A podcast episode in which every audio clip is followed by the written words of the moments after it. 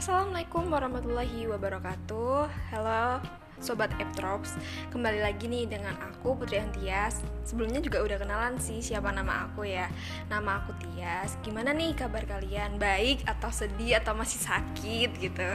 Semoga sih kabar kalian baik-baik aja ya. Dan tetap semangat menjalani hari ya Walaupun kadang berat gitu ya Tapi tetap semangat gitu.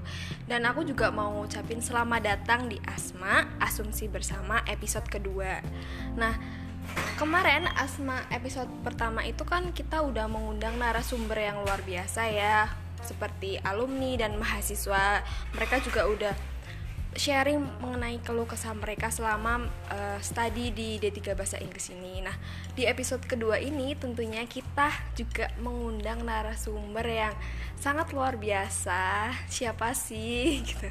Dan alhamdulillah udah hadir nih di tengah-tengah kita yaitu Miss Leli Triwijayanti. Selamat datang Miss Leli. Halo, thank you for inviting me. Terima kasih atas undangannya. Gimana kabarnya Tias? Alhamdulillah baik Miss, alhamdulillah. Oke, okay, good. Jadi di podcast kali ini kita akan sharing aja sih Miss mengenai saya kan dapat info nih dulu beli Miss Leli pernah berkuliah ber, pernah studi di luar negeri kita sharing-sharing aja sih Miss gitu dan terima kasih udah berkenan hadir di podcast kali ini. Langsung aja apa ya Miss? Oke okay. langsung apa nih? Uh, langsung sharing aja maksudnya. Sharing aja. Um, mulainya dari mana nih? Yeah. mungkin uh, ada pertanyaan yang bikin penasaran mungkin. Dari situ mungkin saya bisa cerita. Tentu uh, pertanyaannya banyak sekali yang ingin saya tanyakan gitu. Kapan lagi bisa ngobrol santai bareng Miss Leli ini yang pertama ya Miss dulu uh, studi S1-nya di mana, S2-nya di mana. Mungkin bisa sharing mengenai uh, studinya Miss. Silakan. Oke okay, thank you Tias. Um, dulu sih saya S1 di um, bahasa dan sastra Inggris di Universitas Negeri Malang. Kemudian um, saya lulusnya agak kecepetan ya kecepetan ya emang dasarnya pinter gitu. Enggak karena dipaksa dosen aja. Oh, gitu. enggak, enggak enggak enggak. Disclaimer tidak dipaksa tapi diarahkan. Oke okay, jangan lama-lama kuliahnya gitu. Terus um, habis itu saya uh, lulus di semester ketujuh. Terus saya bingung mau ngapain kerja apa ya gitu. Tapi benar-benar belum ada yang uh, came into my mind kira-kira apa ya kerja apa gitu. Kemudian saya malah uh, asik-asiknya join online course. Nah online course-nya itu kebetulan yang mengadakan adalah kampus uh, saya waktu S2 gitu.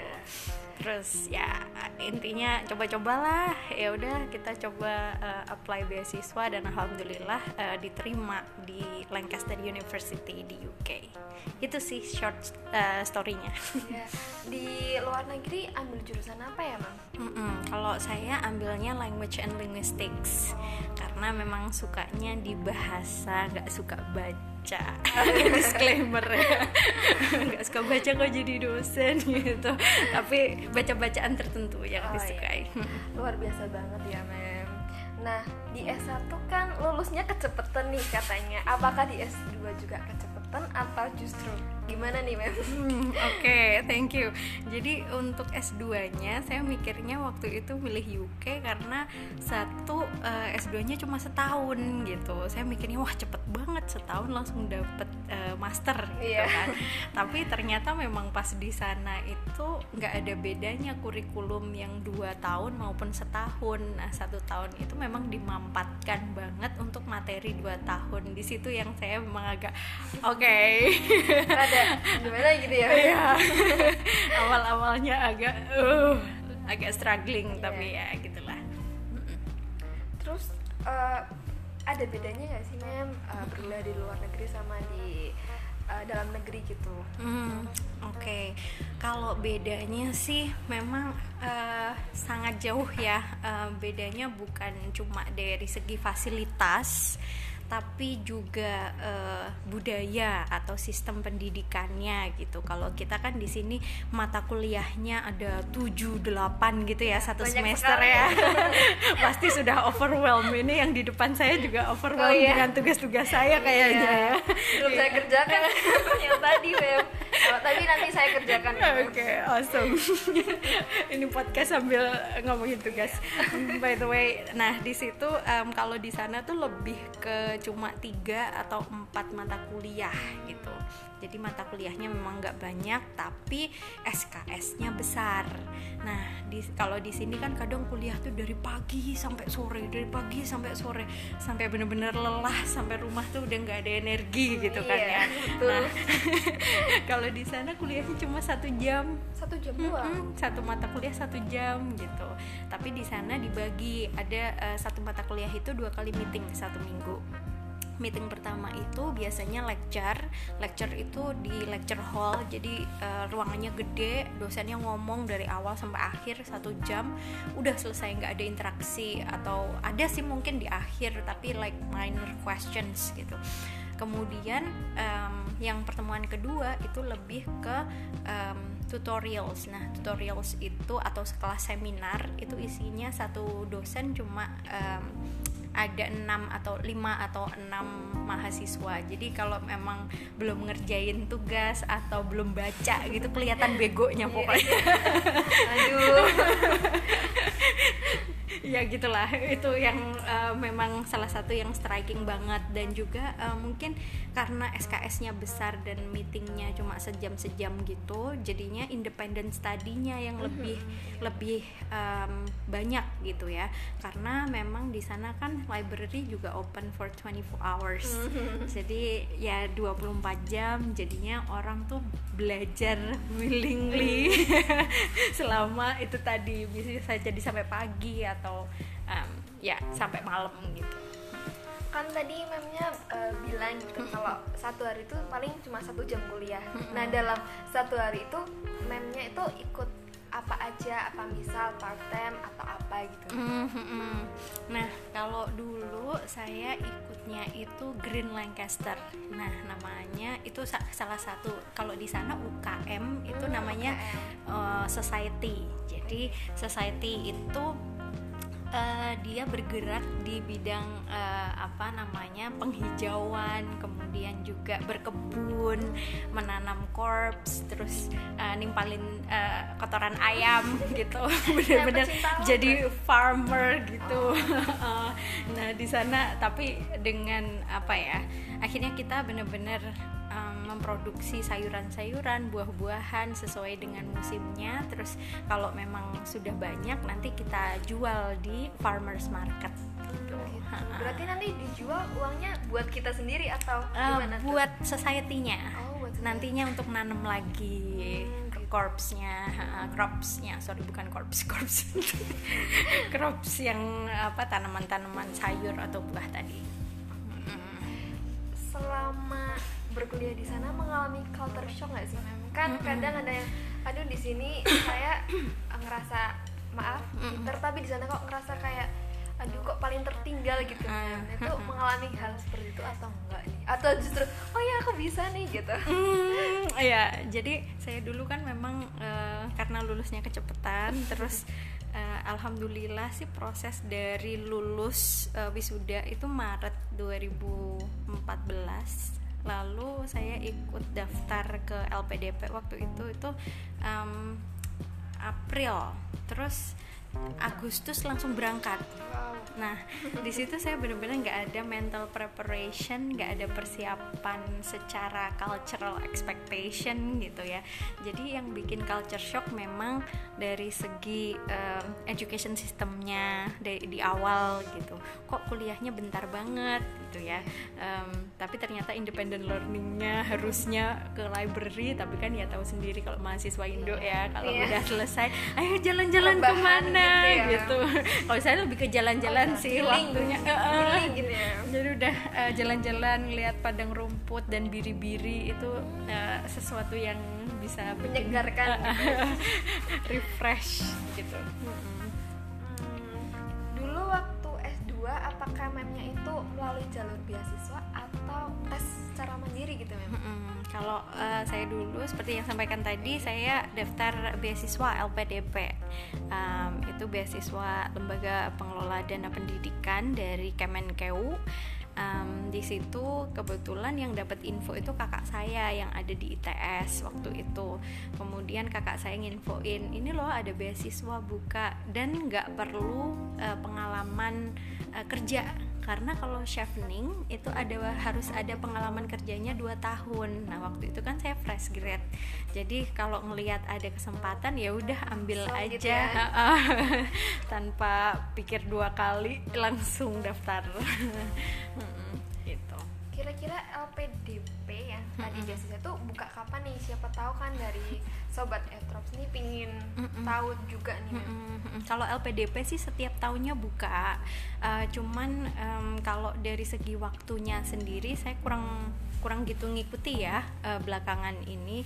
Um, tapi bisa dilihat di IG-nya LPDP um, RI uh, kemudian juga di websitenya itu uh, beasiswanya jenisnya banyak sekali sekarang. Kalau dulu hanya beasiswa BPRI uh, beasiswa reguler gitu ya. Reguler itu uh, dari semua kalangan bisa daftar tapi sekarang ada afirmasi ada uh, afirmasi pesantren misalnya anak iya, pesantren yeah. afirmasi dari uh, Indonesia Timur itu juga bisa. Nah itu uh, tidak mencaratkan apa ya bahasa Inggris yang terlalu tinggi tapi nanti ada uh, semacam enrichment program untuk meningkatkan uh, bahasa Inggrisnya gitu yeah. skillnya.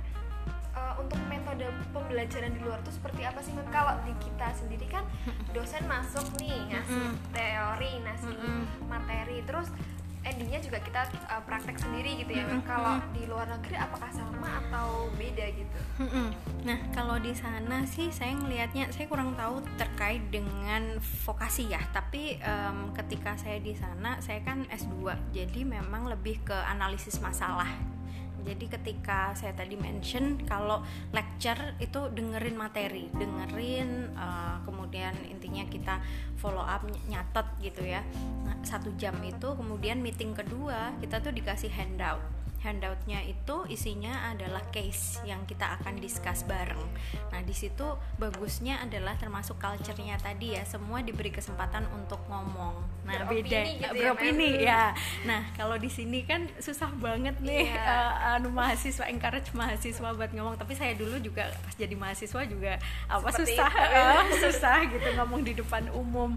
Tapi di sana tuh saya culture shocknya yaitu salah satunya tadi banyak teman-teman saya yang langsung langsung angkat tangan kemudian menceritakan apa yang ada di pikirannya terkait dengan kasus itu kayak gitu. Dan mereka terkait dengan teori itu mereka langsung bisa mengaplikasikan gitu loh. Oh teori ini tuh bisa untuk solving problem ini. Kalau ini bisa untuk ini. Nah itu saya sampai yang kok mereka saya apal sih teori itu. Cuman kok bisa mereka ana, uh, analisis itu? Ternyata ya independent learning itu tadi independent study mereka di luar jam meeting itu mereka belajar gitu.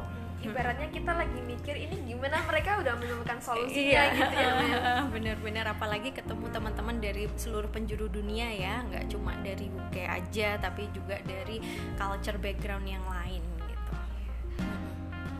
Kalau tips manajemen waktunya mem sendiri tuh bagaimana nih mem? Mm -mm. Kalau tips manajemen waktu, kalau saya sendiri memang masih belajar sampai sekarang. Tapi saya pasti sekarang itu bikin priority list. Jadi bukan berarti mana yang duluan saya kerjakan mana yang datang duluan terus saya kerjakan? Bukan. Tapi kalau ada tugas ada sesuatu yang perlu saya kerjakan saya akan menengah, uh, mengukur order of priority-nya. Jadi kira-kira mana yang prioritas utama prioritas kedua dan lain-lain. Itu cara saya memanage waktu dan juga dibantu sama Google Calendar pastinya. Oh, iya udah pasti saya juga seperti itu. Iya. Iya. Uh, kadang kan kita udah punya mimpi gitu ya, mm -mm. tapi kadang nggak bisa nih gitu. Menurut pandangan Mem itu seperti apa nih? Sebenarnya sih nggak ada yang nggak bisa dan nggak mungkin di dunia ini saya ngelihatnya. Semuanya pasti mungkin. Tinggal uh, seberapa jauh kita mau berusaha gitu. Nah um, kalau misalkan aja oh pengen keluar negeri apakah simply pengen apakah misalnya as simple as udah punya paspor belum mau keluar negeri tuh yeah. gitu. padahal belum, belum gitu belum, dan bikin paspor itu bukan sesuatu yang satu minggu selesai gitu kan nah itu yang kadang orang juga uh, pengen sesuatu tapi nggak mengukur kira-kira first step yang harus saya lakukan untuk mendapatkan itu apa sih nggak di breakdown dulu. Jadi misalkan mau ngedaki gunung tuh langsung wah pengen nih daki gunung selamat tapi uh, tinggi bener ya gitu. Udah ke sini gitu ya, tapi ya, cuma pengen aja akhirnya tanpa melakukan sesuatu apa pun gitu. Kan mem Leli udah punya kesempatan untuk uh, study di luar negeri. Apakah itu goals mem atau emang ya laki aja gitu ya? Hmm, hmm, hmm itu dua-duanya. Oh dua-duanya. Ya. saya kasih salah pertanyaan ya. Jadi saya juga merasa beruntung karena waktu itu LPDP itu juga baru beasiswanya. Jadi um, apa ya seleksinya tuh nggak seketat sekarang. Yeah. sekarang kalau mau keluar negeri benar-benar harus ditanyain kenapa keluar negeri? Ya saya dulu juga ditanyain sih kenapa nggak di Indo aja? Gitu. Terus saya bilang kalau misalnya LPDP bisa menemukan profesor yang ekspertisnya di bidang itu di Indonesia, saya berkenan untuk studi di Indonesia. Tapi waktu itu memang profesornya nggak ada yang um, ekspertisnya itu di Indo gitu. Akhirnya ya mau nggak mau mereka nyukolain saya kayaknya gitu. gitu ya, ya. kalau nyariin juga susah nih udah berangkatin aja deh kayaknya gitu mungkin ya gitu tapi memang itu salah satu goal saya dari kecil misalnya pengen um, apa ya hidup mandiri um, terus um, apa ya benar-benar di culture yang berbeda terus survive seorang diri karena survival itu salah satu yang saya pelajari banget ketika di sana karena kita nggak bisa rely on siapa pun kalau ada di sana. Waktu uh, menjadi mahasiswa di sana tuh uh, pure belajar atau ikut kerja atau gimana. Soalnya saya dapat info ini ingin memastikan aja. Katanya part time gitu mem. Mm, mm. jadi saya tuh di sana itu ketika um, pertama kali di sana itu sudah kira-kira saya lulus kapan terus wisudanya kapan. Nah di situ saya punya impian saya pengen ikut wisudanya gitu. Padahal saya selesai uh, kuliah itu September. Nah akhirnya September ke Desember itu kan tidak di cover oleh beasiswa LPDP.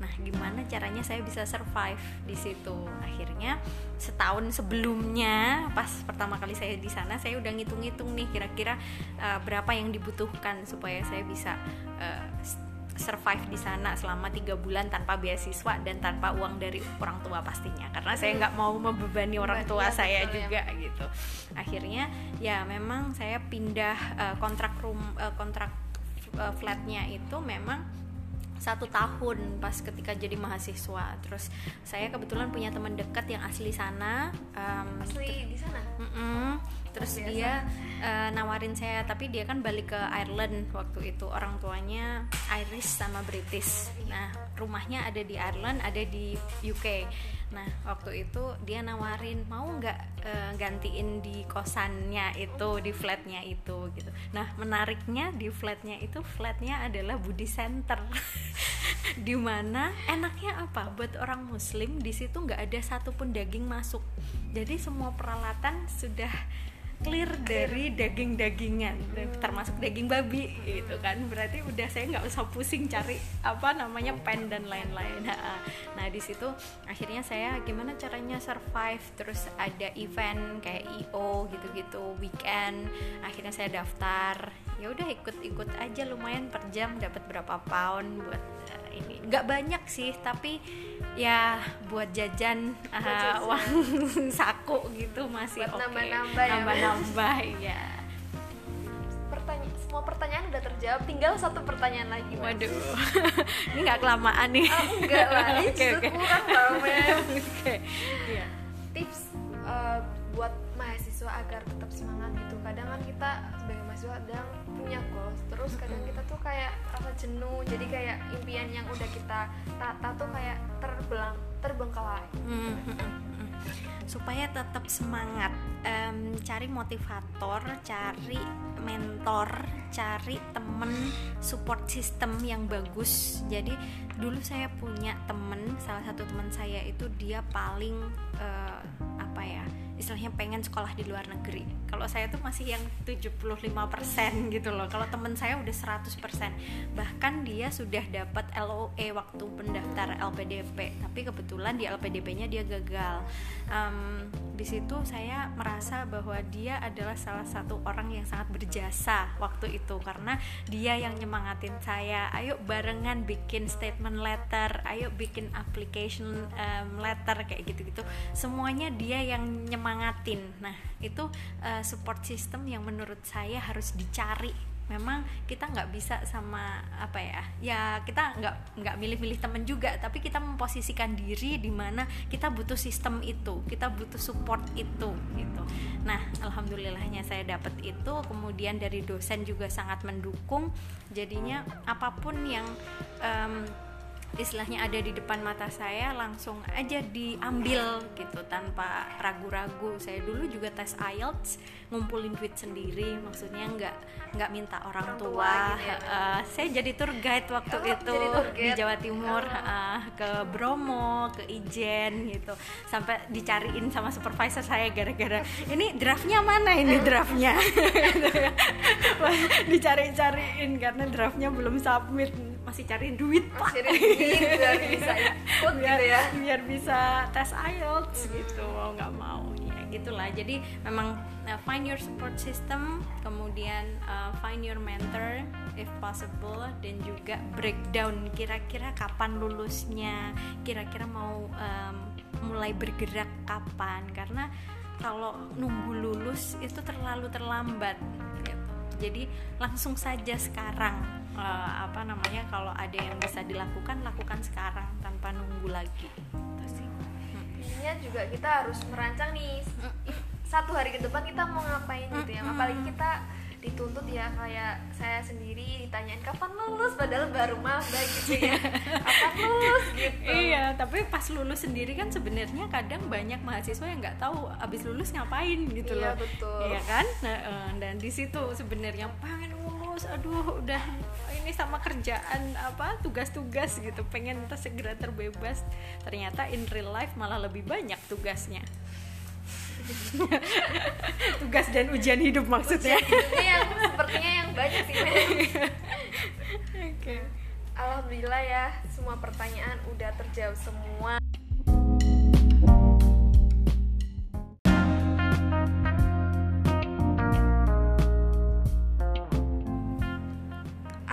Alhamdulillah semua pertanyaan udah terjawab ya Mem Terima kasih sebelumnya udah sharing mengenai apa aja nih banyak banget tadi mengenai pengalamannya Terus beasiswa juga ya Mem Terus juga gimana sih cara kita memanage waktu dan yang penting itu um, kita harus pinter cari mentor, cari support system nih Mem ya.